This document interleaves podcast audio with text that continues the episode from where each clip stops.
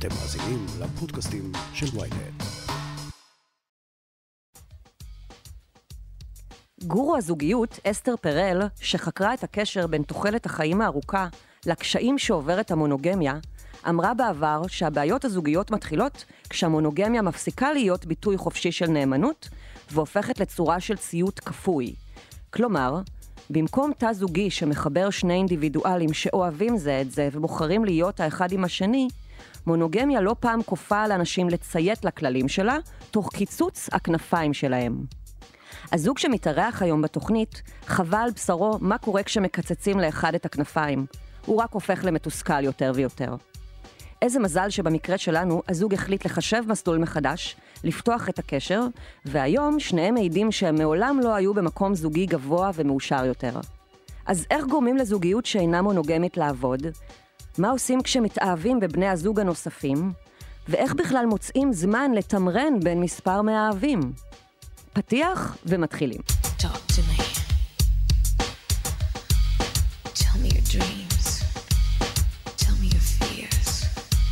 קרן כהן רייפמן היא מטפלת בזוגות ויחידים שעבדה בעבר במשרד החינוך, והיום היא מלווה זוגות שחושבים לפתוח את הקשר. שביט, בן הזוג שלה, הוא הייטקיסט. הם בזוגיות כבר 13 שנה, נשואים כתשע שנים, ומגדלים יחד את בנם בן השש. וחוץ מזה, הם בזוגיות פוליאמורית כבר חמש שנים, ולכל אחד מהם מאהבים וקשרי אהבה נוספים. הם הכירו ברחבת הריקודים, בערב סושיאל של רקדנים שרוקדים זה עם זה. שביט מספר שברגע שהוא ראה את קרן רוקדת, הוא כבר ידע שהיא תהיה אשתו. לקרן, לעומת זאת, לקח קצת יותר זמן. הסיבה? שביט היה נמוך, והאינסטינקט של קרן היה לפסול אותו. איזה מזל שהיא לא עשתה את זה, והשניים התאהבו, והחלו לקיים קשר מונוגמי נורמטיבי לכל הדעות, עד שנולד בנם הראשון וכל הקלפים נטרפו. מה שלומכם? כיף שאתם פה. איזה כיף שהזמנת אותנו. כן, ממש כיף להיות פה. קרן, אה, מה קרה בעצם עם הולדת בנך הראשון? מה השתנה בחיים שלך? אז קודם כל הבטיחו לי שזאת הולכת להיות הנקודה הכי גבוהה בחיים שלי, להיות אימא. והוא נולד, וחיכיתי וחיכיתי, וראיתי שזה לא הדבר הכי מרגש והכי מפעים שהעולם מבטיח שהולך לקרות אחרי הלידה.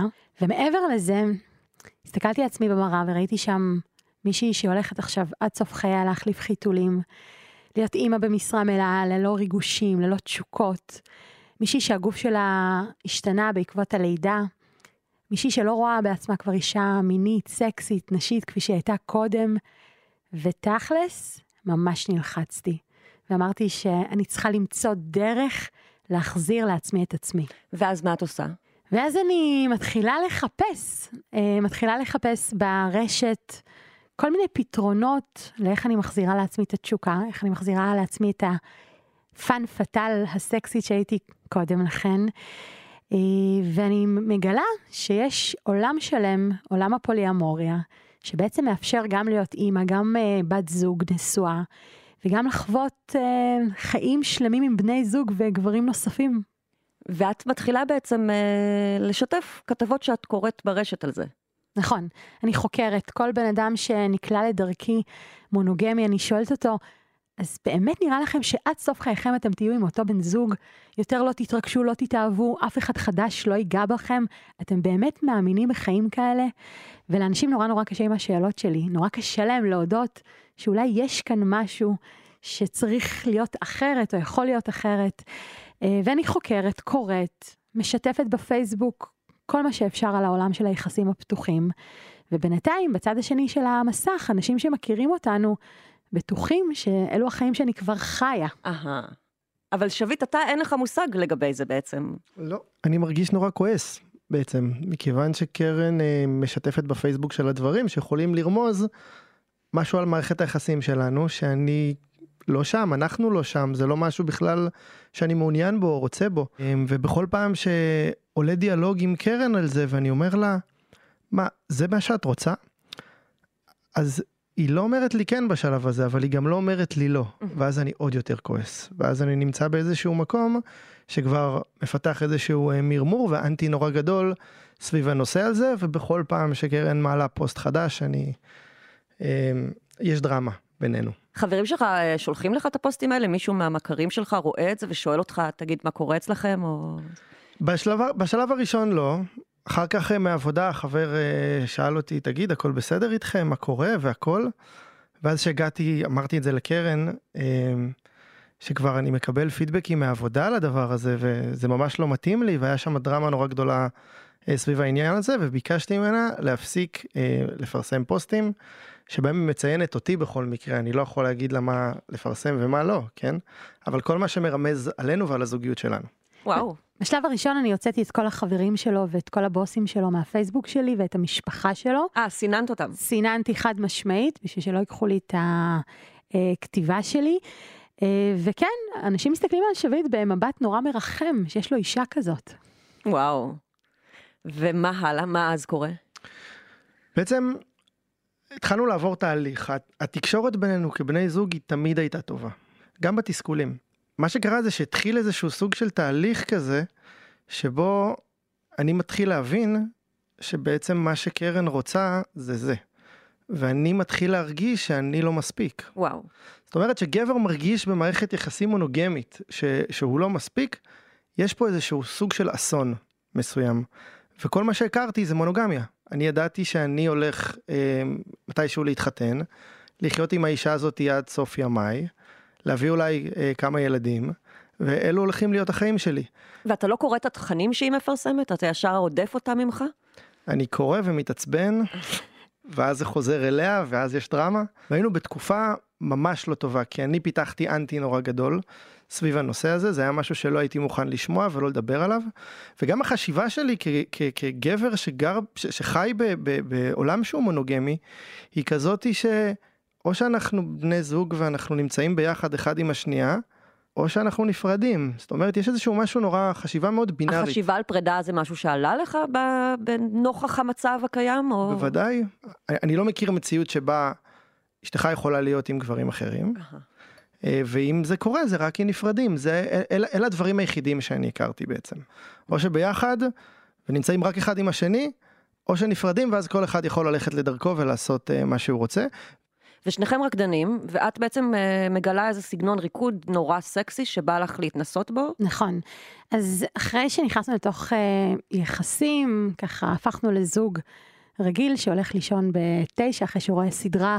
ועשינו הפסקה של כשש שנים מרחבת הריקודים ולא רקדנו. הריקודים היו עולם תוכן מאוד מאוד עשיר עבורנו ושם באמת הכרנו והיינו רגילים להיות באינטראקציות עם בני המין השני שהן די אינטימיות ורומנטיות ומתחלפות כל שלוש דקות, כל ריקוד, מצאנו את עצמנו רק אחד עם השנייה. ואז לפתע גיליתי סגנון שלא הכרתי קודם, שקוראים לו קיזומבה, שזה סוג של טנגו ארגנטינאי שמגיע מאפריקה, מאנגולה, והוא נורא אינטימי ומאוד קרוב, כאשר רוקדים שם אה, דרך אזור החלצה עם הישבן זז, או. ממש לעשות אהבה על הרחבה, והחלטתי שאני מתחילה לרקוד. ואת יוצאת לפסטיבלים, את משאירה תינוק אה, בן... תינוק בן חמישה- חודשים, אני שלוש פעמים בשבוע יוצאת לרקוד, נוסעת לפסטיבלים בעולם, מכירה גברים מכל העולם. זאת סצנה כזאת שהיא אה, כוללת גברים אפריקאים וואו. מאפריקה והרבה לוהט. נשים לבנות, ואפשר לראות אולמות שלמים של כזה שילובים של צבעים מאוד צבעוניים, וכן, יש שם הרבה סקס אפיל ותשוקה. אבל את לא עושה כלום חוץ מהריקוד. אני מפנטזת. אני נמצאת באינטראקציות מאוד קרובות, אני מפתחת קשרים מסביב לעולם, יש לי חברים מפריז ומבריסל, ואנחנו מתכתבים ויש פלירטוטים, וכן, יש בי רצון בשלב מסוים לקחת את זה צעד אחד קדימה. הייתי בטוחה שהריקוד הזה ימלא לי את כל התשוקות שלי, וזהו, מצאתי כבר את הסוד לה- להחזיר לעצמי את קרן המינית, הנשית, אבל בשלב מסוים זה לא מספיק. ואז מה? אז עם הזמן גם אני אה, אה, חזרתי לרקוד ואני התחלתי לרקוד ריקוד שקוראים לו בצ'אטה, שגם הוא נורא חושני ומיני. המקום של ריקודים הוא לא זר לנו, מעולם לא הייתה קנאה במקום הזה. אבל ברגע שהתשוקה של קרן התעוררה מחדש, גם אחרי הריקודים, ששם אני אמרתי, אוקיי יופי, מצאנו פתרון מסוים. חשבת שזה ירגיע אותה. כן, קיוויתי. והייתי בטוח שכל מה שהיא עוברת, איזושהי אפיזודה שהיא ברת חלוף, ומתישהו כמו הדבר... דיכאון אחרי לידה כזה. כן, שמתישהו הדבר הזה ייעלם, ואז אנחנו נוכל להמשיך בחיים שאנחנו הכרנו ואנחנו דמיינו.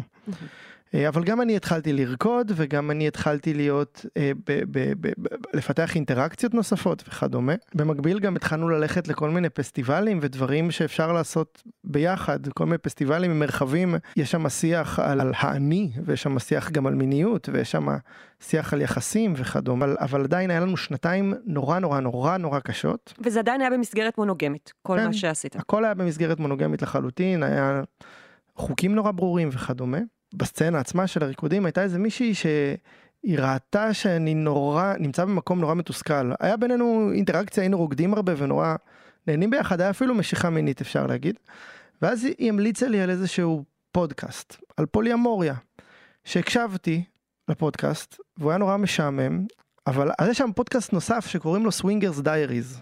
אוקיי. שמה, שמה שהוא מדבר בעצם, זה בעצם זוג בגילי 40 פלוס שלהם, שהם החליטו שהם פותחים את היומן שלהם והם משתפים את העולם בחוויות שלהם מרגע שהם פתחו את הנישואים והפכו להיות סווינגרים. וזה מתואר בצורה כל כך אוהבת וכל כך רומנטית וכל כך מחברת, ואני וקרן בשלב הזה נמצאים בתקופה כל כך לא במקום הזה, כל כך הרבה כעס וכל כך הרבה דרמות כל הזמן. התקשרתי לקרן ואמרתי לה, קרן, אני שולח לך משהו.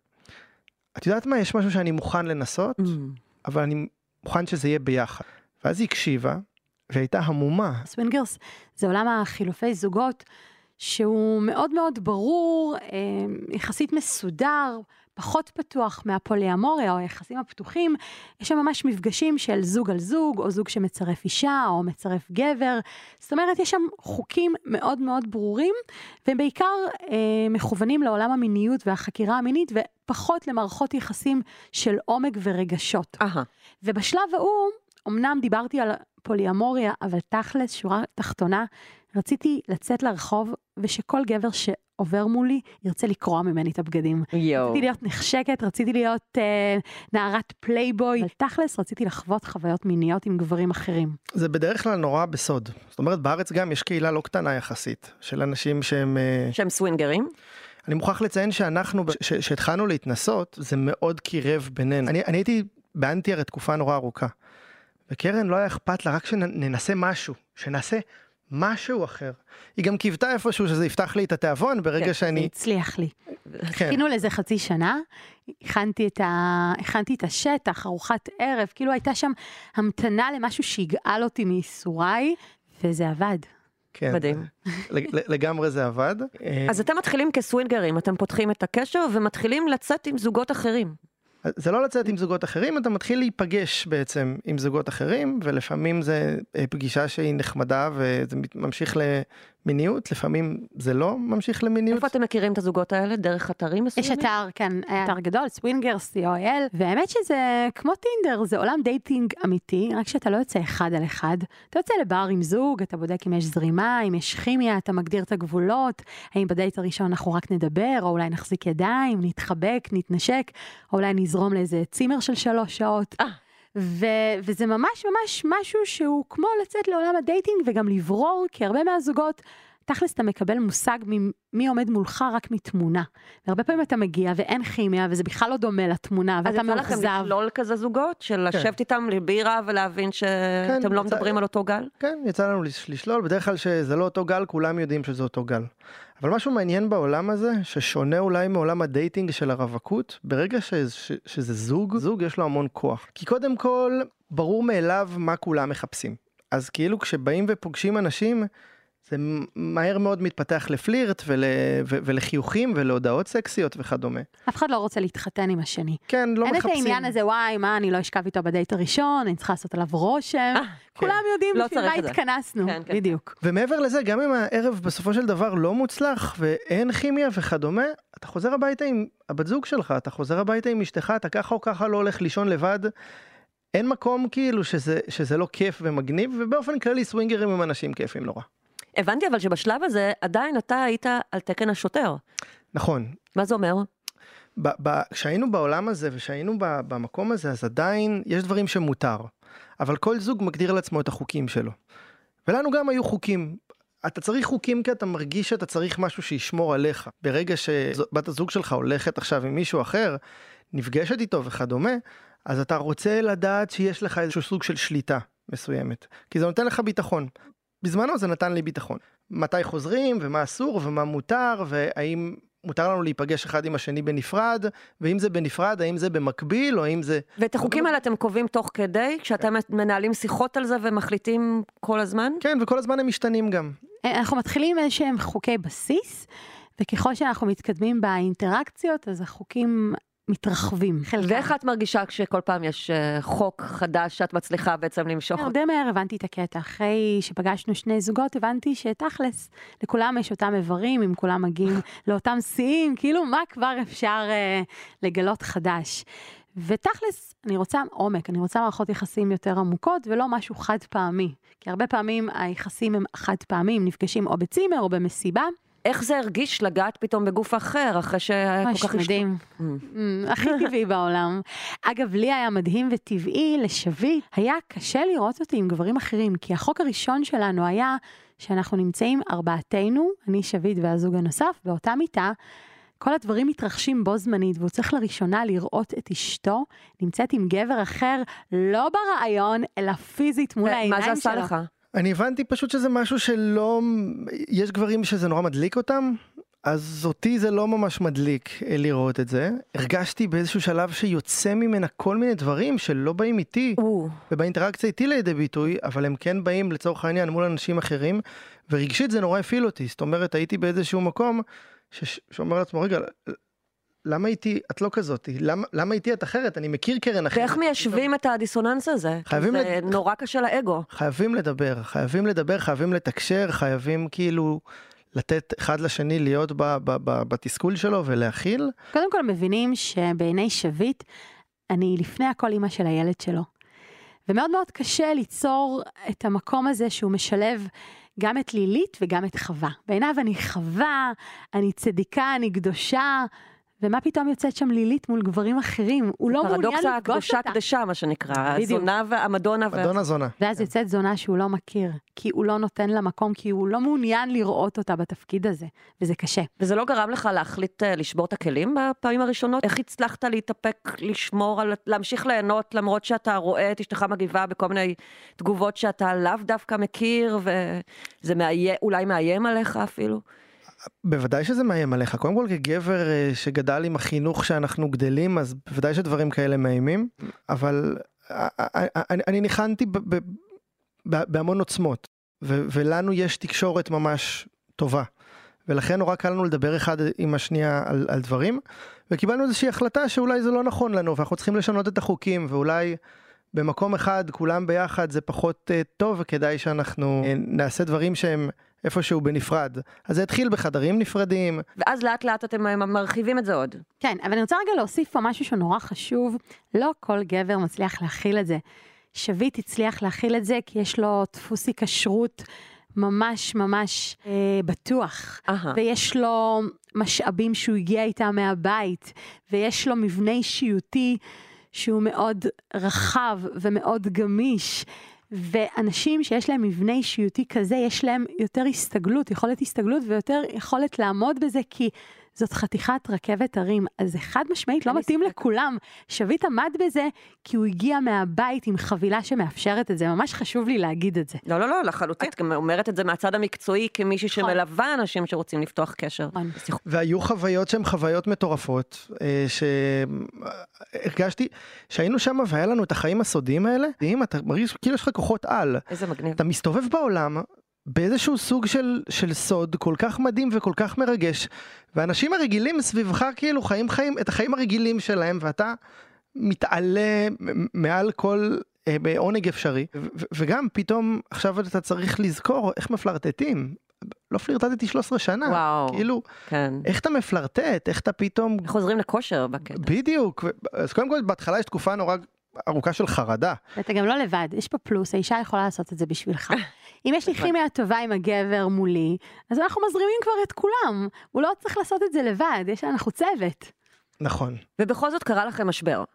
כן. אה, אתה היית בחו"ל, ואת נשארת בארץ. אז מה שקורה זה שיש חוקים, אה, יש דברים שאסור ומותר, ולפעמים יש אנשים שבאים לא טוב. ואז היה איזשהו מישהו שהוא ממש בא לי לא טוב. אני נסעתי לחו"ל מהעבודה, וקרן אמרה לי, אתה יודע מה? מותר לך לעשות מה שאתה רוצה, ואני אמרתי לה, אסור לך לעשות מה שאת רוצה. מותר לך לעשות מה שאת רוצה רק עם גברים שאני מכיר, והיה מישהו ספציפי שהוא היה ממש בווטו, והוא נורא לא בא לי טוב. טוב, מי זה היה האיש הזה? כאילו, מה הקטע שלו? זה לא היה משהו מיוחד, היינו פעם ב- באינטראקציה והרגשתי שיש בינו לבין קרן איזושהי קרבה מסוימת שהיא שומרת עליו כמו אריה כזה, עפתי עליו בטירוף, זו הסיבה לווטו. בקיצור, אתה קינאת. כן, הוא לא מודה. יכול להיות. אוקיי, בעולם הזה אתה חווה המון קנאה. זה דברים שהם חלק מהחבילה הזאת וצריך לקבל את זה. צריך לקבל גם שקנאה זה סך הכל עוד רגש. כמו שצער הוא עוד רגש. רגש. זה אגב המכ- המכשול הכי גדול אצל אנשים כשהם חושבים על האופציה של לפתוח את הקשר. מעניין, כל אחד רוצה לפתוח את הקשר מהצד שלו, אבל הוא לא רוצה שבן או בת הזוג שלו. יעשו את זה. נכון, כי קנאה זה משהו שמפ... ש... שאנחנו למדנו נורא לפחד ממנו. אנחנו מרגישים שזה משהו שאנחנו לא יודעים להכיל, אה, ו... ולחלוטין אפשר ללמוד להתקיים עם העוד רגש הזה, ואפשר ללמוד בסופו של דבר להכיל אותו. מה שקרה זה שהוא לא בא לי טוב, הוא היה בווטו, טסתי לחו"ל, שכח... אבל לא אמרת את זה. שכחתי להגיד לה שהוא לא, כן? כי היה לי ברור, היא יודעת כאילו כמה זה מפעיל אותי. האיש הזה וכמה אני לא מוכן, אבל היה שם המון אפור. האיש המקום שומע הזה- עכשיו, אנחנו אוהבים אותו, נכון? כן, מאוד, אנחנו אוהבים אותו מאוד, כן. במקרה אה, הוא עדיין בחיים שלכם? אה, הוא לא, חבר. אבל, כן, אבל חבר. לא בקטע מיני, אבל. לא, המון חברים אנחנו אספנו כאילו במהלך הדרך והמון אנשים אהובים. הוא אמר לי שאת- שאני יוצא מפה ואת יכולה להיות עם גברים ש... שאני מכיר, אז מבחינתי זה היה כל הגברים שהוא מכיר, כן? למה? כי עד אז היו גבולות, זה כמו ילד שאסור לו לאכול ממתקים והוא מגיע למסיבת יום הולדת והוא פשוט טורף הכל. אני ידעתי שמותר לי רק על הקווים, רק על הקווים, וברגע ששביט יצא מהבית ואמר לי שאת יכולה הכל, אבל באיזושהי מסגרת, מבחינתי הכל זה היה הכל, כי עוד שנייה ייקחו לי, עוד, עוד שנייה לא יהיה לי, עוד שנייה הוא יחזור, ואני אחזור להיות חסרת ממתקים. אז כשאסור, רוצים יותר. ככה זה עובד. ואז את הופתעת מהתגובה שלו? הופתעת שהוא כעס על הבחור הזה? הוא אמר לי שמותר לי. לך לא היה וטו על שום, על אף אישה מבח- מהצד שלך עבורו. זאת אומרת, את לא הטלת עליו וטו. לא זוכר. היו נשים שחיבבתי פחות כי הן אה, לא ראו אותי, או פחות כיבדו אותי, או פינטזו איך הן עושות לשביט שישה ילדים ואין אותי שם, אבל מעבר לזה הכל היה בסדר. אבל לא היה מקום שאמרת לו, עם זאת וזאת אתה לא שוכב ולא לא, נפגש. מעולם לא. לא. מה שקרה זה שחזרתי לארץ ואני וקרן משתפים אחד את השנייה בחוויות שלנו וכדומה. שזה היה אחד החוקים שלכם, בחוקים שקבעתם, כן, אנחנו תמיד מדברים. במסגרת של הסווינגרים. תמיד מדברים, תמיד מדברים גם כשחווים איזשהם חוויות, אז קרן נורא אוהבת לשמוע הכל, והיא ממש רוצה לשמוע הכל. כולל פרטים מיניים. הכל. ברור, כמה פעמים היא גמרה, אה, באיזה וואו. תנוחה. ו... וזה לא מפריע לך, מאיים עלייך? אם לא היה שם שום דבר מרגש, אם הייתה מישהי שהיה איתה עוד חוויה מינית, אז זה לא עושה לי את זה, אבל אם הוא עף על מישהי בטירוף, ברור, זה מפעיל אותי בקטע טוב, אני רוטטת, כל הגוף שלי. איזה מרגש, אני חווה את זה גם דרכו, אם לא קורה משהו מעניין, אז כלום. ואתה לא ככה. אני חושב שיש דברים שפחות מעניין אותי להשקיע זמן ו- ולשמוע, אבל אני כן רוצה לשמוע דברים. אני וקרן היום נמצאים במקום שאנחנו מדברים אחד עם השנייה, אנחנו נפגעים מאנשים נוספים, או... אה, אה, מתאכזבים, שהלב נשבר בגלל אנשים נוספים ואנחנו חולקים את, את, את הרגשות האלה אחד עם השנייה, ממש כתף במקום הזה. אבל כשחזרת אז מארצות הברית, זה לא היה מקום. אבל זה לא היה בכלל, אני חזרתי והייתי כל כך עצבני, הייתה דרמה, אחת הדרמות הגדולות. שיכלה להוביל, להוביל מבחינתך לגירושים? זאת אומרת, זה היה ממש משבר קריטי? לא, בשלב הזה כבר אתה לא חושב על, אה, על, על גירושים, אבל כן, בכל פעם שאנחנו בדרמה כזאת, ה mindset שלי, טוב, איך אני מעניש את קרן עכשיו? אז עכשיו אני לא אישן בחדר ואני אלך לישון בסלון שבועיים. כל מיני דברים כאלה שאתה אומר לעצמך של... הכל עניין של איך, איך, איך בסוף אני מעניש אותה על הדבר הזה שהיא עשתה וכדומה. אוקיי, אז אתה, אתה כועס עליה מאוד, ואז מה קורה? והייתי במקום נורא נמוך, גם מאוד מקנא וקנאה, והייתי מאוד מתוסכל אני עם עצמי. ואז יש משפט שאני אומר לעצמי הרבה פעמים, אני אומר, אם תעשה מה שעשית, תקבל מה שקיבלת. זה משהו שמלווה אותי המון. ואז אמרתי, טוב, אני כנראה צריך לעשות משהו אחר כדי לקבל מהעולם דברים אחרים, כי לא יכול להיות שכל פעם יש לנו חוויות טובות, אבל יש גם המון חוויות רעות. אני חייב לעשות משהו אחר. עשיתי שיחה עם קרן, ואמרתי לה, קרן, את יודעת מה? קיבלתי החלטה, אין יותר חוקים. כן. אה, הללויה.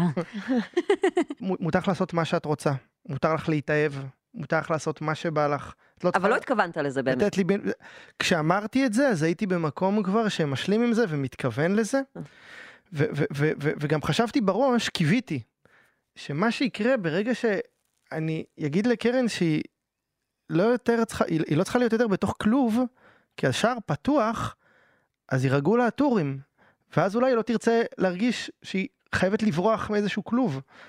ו... ו... וזה מה שקרה. נרגעת. הוא, כן, קרן הייתה נורא מופתעת ברגע שאמרתי לה את זה, ואז היא שאלה אותי כל משמעות, רגע, ומותר לי ככה וככה? נוסעת באוטובוס ופוגשת מישהו, מותר לי להביא לו את הטלפון? אמרתי לה, מותר לך הכל. וגם אם הוא רווק, מותר לך הכל. אנחנו עכשיו, אין לנו חוקים, אני רק רוצה שאנחנו נספר אחד וואו, איזה לשנייה. אומץ. כן, היה לי אומץ שם. אני רק רוצה שאנחנו נספר אחד לשנייה כאילו את הדברים האלה ונמשיך להיות בתקשורת וכדומה. הפחד הכי גדול שלך שאתה נמצא בעולם המונוגמי זה שבת הזוג שלך תברח עם מישהו אחר. שהיא תתאהב באדם אחר ותעזוב. נכון. כן. זה, זה, זה פחד כאילו שהוא נורא נורא נורא נוכח. אני, אם, אם יש שני דברים בעולם שאני נורא כועס שלא מלמדים אותנו, אף פעם, אלא אם כן אנחנו הולכים וחוקרים ולומדים בעצמנו, לא מלמדים אותנו מיניות ולא מלמדים אותנו זוגיות.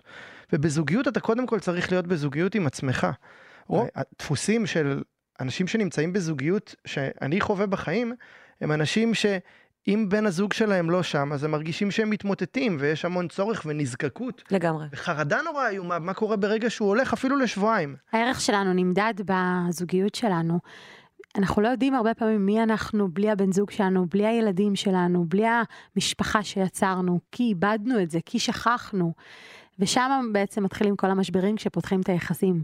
כשאנחנו לא יודעים מי אנחנו ללא בן הזוג שלנו. ואני תמיד הייתי אדם נורא, נורא חזק, אני יודע שקרן היא בחיים שלי ואני מאושר נורא ממה שיש לנו ומה שבנינו, אבל אני יודע שאם היא תצא מהחיים שלי, אני יודע שאני אשרוד, מהמם. אני אחיה. אני חושב גם שזה, אז, אני חושב כן שזה היה גם אז, איזשהו משהו שהוא מאוד, אה, לא הייתה חרדת נטישה. כן, כל הכבוד. היא לא, היא לא הייתה כן. נוכחת שם. ואז יורד לך פתאום החשק, ואיך אתם פתאום חוזרים, אה, איך, מה, מה קורה אחר כך? איך אתם הופכים מש, מזה לפוליאמורים? אז קודם כל, בשלב הזה, אני כבר מאוהבת בגבר, סווינגר. אחרי בערך שלושה חודשים שפתחנו את היחסים, פגשנו זוג, הפכנו להיות גם חברים שלהם, היינו בקשר משפחתי, הילדים נוסעים ביחד לטיולים, לפסטיבלים, אבל גם נוגעים אחד בשני ליד, ילד, ליד לא, ילדים? לא, אה, לא. שומרים על אה, שומרים על... ידידותיות כזה, על כן, כן. הרשת... אה, הם שומרים זה בדיוק כמה מה שהם ש- יכלו. זה, זה בדיוק אבל כמו שהורים לא מזדיינים מול הילדים שלהם, כן? הדברים האלה לא קורים. לא, אבל כן לא. מתחברים. אבל כן יש נגיעות, מגע... נכון. אז, אז זה היה יותר דיסקרטי ליד הילדים. הם היו מאוד דיסקרטיים ואני השתדלתי להיות דיסקרטית, כי האנרגיה שלי מאוד מאוד פתוחה, ואני חושבת שקצת קשה לפספס, במיוחד שהיה להם ילד uh, מתבגר. לנו יש ילד קטן, אז הוא פחות מבין. Uh, ותוך כמה חודשים הבנתי שאני מאוהבת, ואני גם לא מעוניינת בגברים נוספים.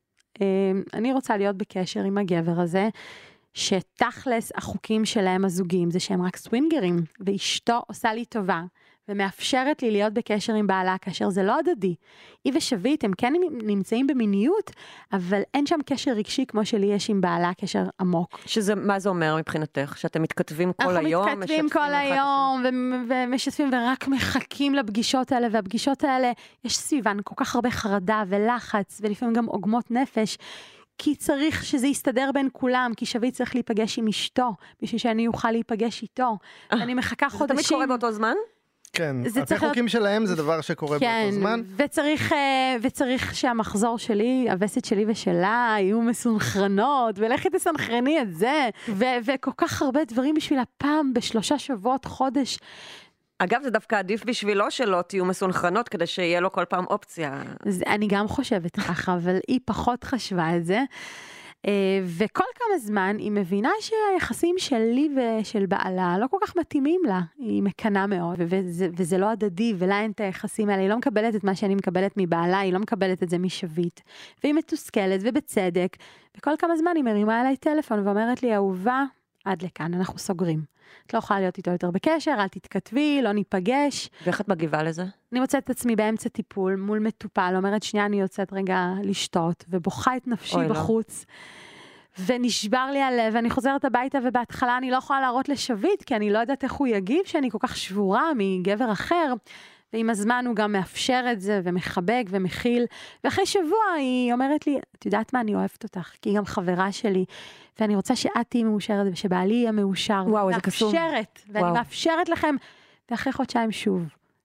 סוגרים, ושוב יש ביניהם ריב ותסכול, ואני שוב זה בעצם משברים מהתמונה. שלהם שמושלכים עליכם, שהם לא באמת קשורים. הם קשורים ולא קשורים, כי יש שם קנאה, כי הם הרבה פחות אה, מאפשרים אחד לשני והרבה פחות בתקשורת ויש שם הרבה יותר כאב. וככה אני מוצאת את עצמי מטולטלת במשך איזה שנתיים, שבכל רגע בעצם יכולים לשבור לי את הלב, וזה בכלל לא תלוי בי. ואיך את פותרת את זה? אז קודם כל, היחסים האלה הגיעו לסיום אחרי כמה זמן, אבל פתרון נוסף, אחרי כשנה, שנה וחצי של יחסים, פגשתי עוד זוג. עוד גבר שהתפתחה שם מערכת יחסים, וגיליתי שאיזה פלא אפשר לפזר את הביצים ולא חייבים לשים באותו סל.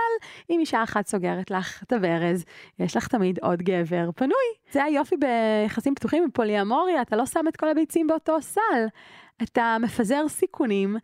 וברגע שסל אחד נופל, אז זה כואב, אבל תמיד יש עוד סל, וגם יש את הבעל. באיזה שלב הבנת שאת יכולה לספר אה, לשביט על שברון לב שיש לך, או על אה, דרמות שאת מרגישה בקשרים האחרים? מאוד קשה להסתיר כשאני בשברון לב. כאילו, הייתי צריכה ממש להתאמץ, והוא הבין, הוא הבין. בהתחלה הוא פחד להודות בפני עצמו כמה אני אוהבת את הגבר הנוסף הזה, אבל אחר כך הוא הבין שכן, אין מה להילחם בזה. אני חושב שלאט לאט כל התהליך הזה שעברנו, הוא נורא חיזק את הביטחון שיש לנו אחד בשנייה. הפחד הכי גדול שלך מלאפשר לבן הזוג שלך להיות עם אחרים זה שבסופו של דבר הוא ילך. ראינו, התנסינו, חווינו עליות, חווינו ירידות, חווינו אהבות, חווינו כל מיני דברים, אנחנו נשארנו. יש פה איזשהו משהו נורא חזק. היום אני נמצא באפס פחד. מצד שני, אבל אומרים שגם המובן מאליו הוא מאיים מאוד על שלום הקשר. זאת אומרת, אסור אף פעם לקחת את בן בת הזוג בצורה מובנת מאליה. שום דבר הוא לא מובן מאליו. זאת אומרת, אני נמצא במקום נורא בטוח, ואני מרגיש נורא בטוח, אני, אני מרגיש שהסיכויים שקרן תכיר, תכיר מישהו ותרצה לעזוב אותי, הם נורא נורא קטנים. אבל הם קיימים, ויכול להיות שהדבר הזה יקרה. והחיים ימשיכו, ואני אתמודד בסופו של דבר. במידה וזה יקרה, אבל אני לא שם, אני ממש לא מפחד מזה, זה לא מעסיק אותי. אני אז הייתם אומרת- אומרים כטיפ לזוגות שחושבים אולי לפתוח את הקשר, אה, קודם כל שאנשים צריכים להיות בטוחים בעצמם, ב- באינדיבידואליזם שלהם, ביכולת שלהם להתקיים גם ללא הצד השני. חד משמעית, כל הזוגות שמגיעים אליי לקליניקה, אני אומרת להם שהשלב הראשון לפני פתיחת היחסים, זה לפתח כל אחד חיים לעצמו. בזוגיות אחד הדברים החשובים זה שיש שם 50% נפרדות ו-50% זוגיות. אם אין לך תחומי עניין וחברים וחוגים, ואתה מרגיש שכל החיים שלך תלויים בבן הזוג שלך, אין לך מה לפתוח את היחסים. כנראה זה לא יוביל למקום טוב. אני מבינה. ובגלל שגם לי וגם לשביט היו חיים נפרדים, ורחבת ריקודים, וחברים, וערך עצמי שקשור למקצוע, ולכל מיני דברים שכל אחד פיתח, אז היה לנו יותר קל. ומעבר לזה, היה לנו את הגושפנקה שהיחסים שלנו עובדים. בא לי להגיד שמה שקורה בעולם היחסים הפתוחים זאת פנטזיה. הגבר הנוסף שנמצא איתי פעם בשבוע, אני לא מנהלת איתו בית, אין לנו משכנתה ביחד, אין לנו ילדים ביחד, או חשבון בנק. או חשבון בנק, ובטח שמדהים לנו ואנחנו עפים ביחד. זה רק fun. זה רק fun, וסיכוי אבל מאוד זה לא טוב. רק fun, כי אמרת שיש גם עניינים של רגשות, ברור. שברונות לב. נכון, אבל חלק סיכוי, מה fun, בסופו של דבר, כאילו, הלב נכון. עובד, כן? אבל זה רק זה. זה רק זה. ויש סיכוי טוב שאנחנו, אם אנחנו נרצה להתאחד ולעבור לגור ביחד, יכול להיות שהמערכת הזאת לא תעבוד. אף אחד לא מבטיח לי שזה עובד. עם שביט, יש לנו חותמת גומי של 13 שנה, של תקשורת נפלאה, של חברות, של הורות שעובדת, של משק בית, של תחומי עניין משותפים. אף אחד לא מבטיח שאני אמצא את זה בחוץ. יש, אה, אה, זה הסנטר שלכם בעצם. לגמרי, ה- זה מה ש- הידיעה הזאת. נותן לנו ביטחון. באיזשהו שלב אה, אתם מחליטים לספר למשפחות שלכם. למה? או יא. אני חושב שאני הגעתי לאיזשהו מקום, היינו נורא בסוד, כן? גם אחרי שאפשרנו לעצמנו הכל, הכל היה נורא בסוד. אני רגע מסייגת, שביט היה בסוד. שביט היה אני בסוד. רציתי, לצעוק בפייסבוק בכל רגע את עשית את זה אפשרי. כבר עוד לפני שהתנסית בכך. כן. בדיוק. ואז בשלב מסוים סיפרתי לאימא שלי. ואימא שלי אמרה לי, למה סיפרת לי רק עכשיו? הייתי בטוח ששנים שהיא בוגדת בך. ענק. ובכלל כאילו חשבתי שלא אכפת לך ו- ו- והייתי נורא בכעס היא ונורא בעצם ראתה בתסכול. אותך מתגנדרת כל פעם, ו... היא גם שמה תמונות בפייסבוק רוקדת עם גברים מכל העולם. ולא רק זה, גם אנחנו חלום. מביאים את ההורים לבייביסיטר. נכון, בזמן שאנחנו עם אחרים. אמא לא. לכעוס, אני אוהב אותך. וההורים שלך, איך את בת יחידה, ההורים שלי לא יודעים בשלב הזה.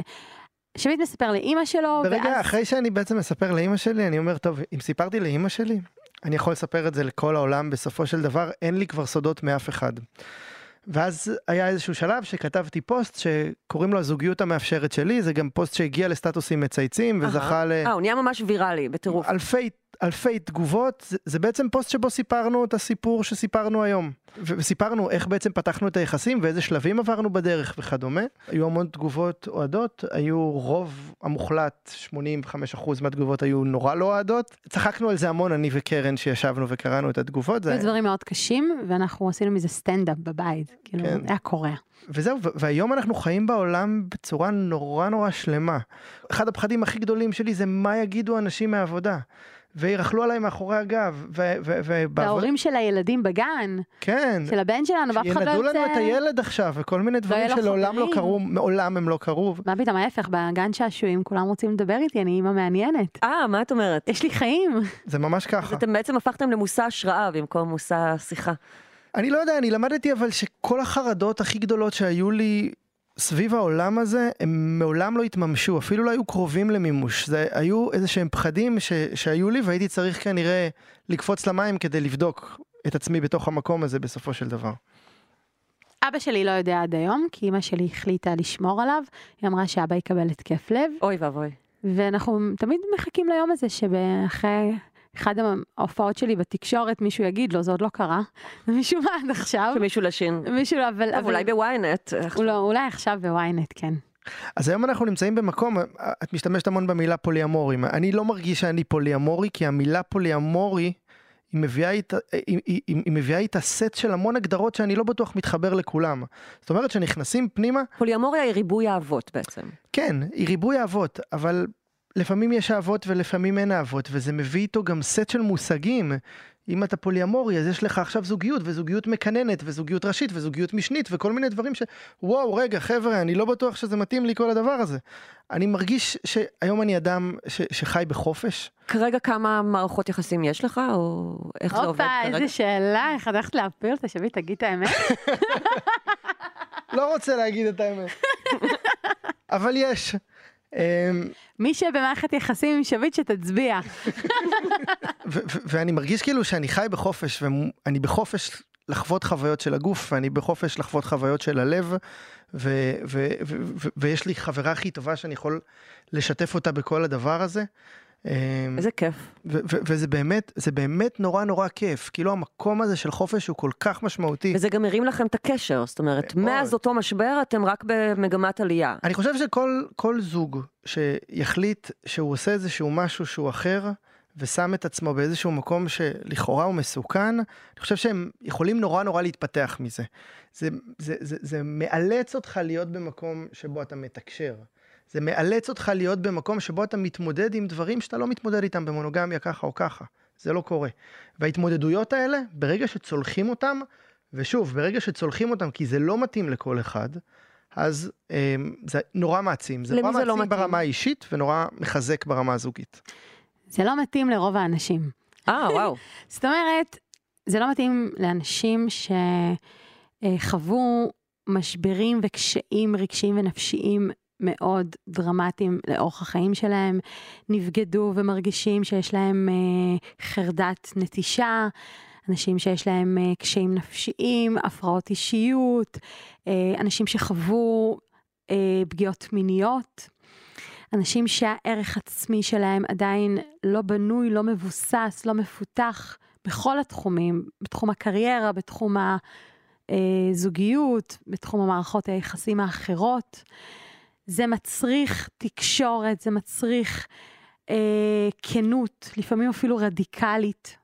זה מתאים לאנשים שמוכנים לקפוץ מים ולהתפתח ולהסתכל לצללים שלהם בעיניים ולא לפחד. זו אחת האוניברסיטאות הכי מפתחות שבן אדם יכול לחוות בחיים שלו. זו חתיכת אקדמיה מטורפת, ולא כולם ישרדו אותה. היא לחזקים, אמיצים, וכאלה שעושים עבודה רגשית ונפשית, חד משמעית. היום אני מרגיש שבכל פעם שאני נכנס לשיח שהוא שיח שמדבר על זוגיות, גם עם חברים בעולם המונוגמי, ו- ו- ו- ובכל שיח שבהם מדברים על, על מיניות, אני מרגיש שיש לי כל כך הרבה ידע וכל כך הרבה מקום שבו אני יכול לתרום וכל כך נקודות שבהם אני יכול לבוא ולתת גם דוגמאות מהחיים שלי ומהשלבים השונים שאני עברתי בדרך, שזה, שזה פשוט מדהים. אנחנו קרובים לסיום, רק רציתי לשאול, זה נורא מעניין אנשים, איך מוצאים זמן לתמרן בין כמה קשרים? אנשים לא יכולים לקבוע דייט זוגי אחד כשהם בזוגיות עם ילדים ונשואים ועבודה וקריירה והכל. אז התשובה היא אה, יומן של גוגל, אני ככה, הם לא רואים בבית, אבל אם אני אראה לך, את תראי את כל הצבעים ביומן גוגל שלי, ובכל זה שעה... מאוד צבעוני. מאוד צבעוני. בכל שעה ביום, בעצם זה מצריך תכנון. גם תכנון זוגי, למתי אני ושביט נפגשים, גם יש לנו גוגל משותף שהוא... אה, למשל, כותב לי שביום רביעי בערב הוא צריך את הבית, ומה מה אני מתכוונת לעשות בנידון, או הפוך. אה, אז אה, צריך או מזכירה שתנהל את זה, אבל זה מצריך, זה, אין שם ספונטניות.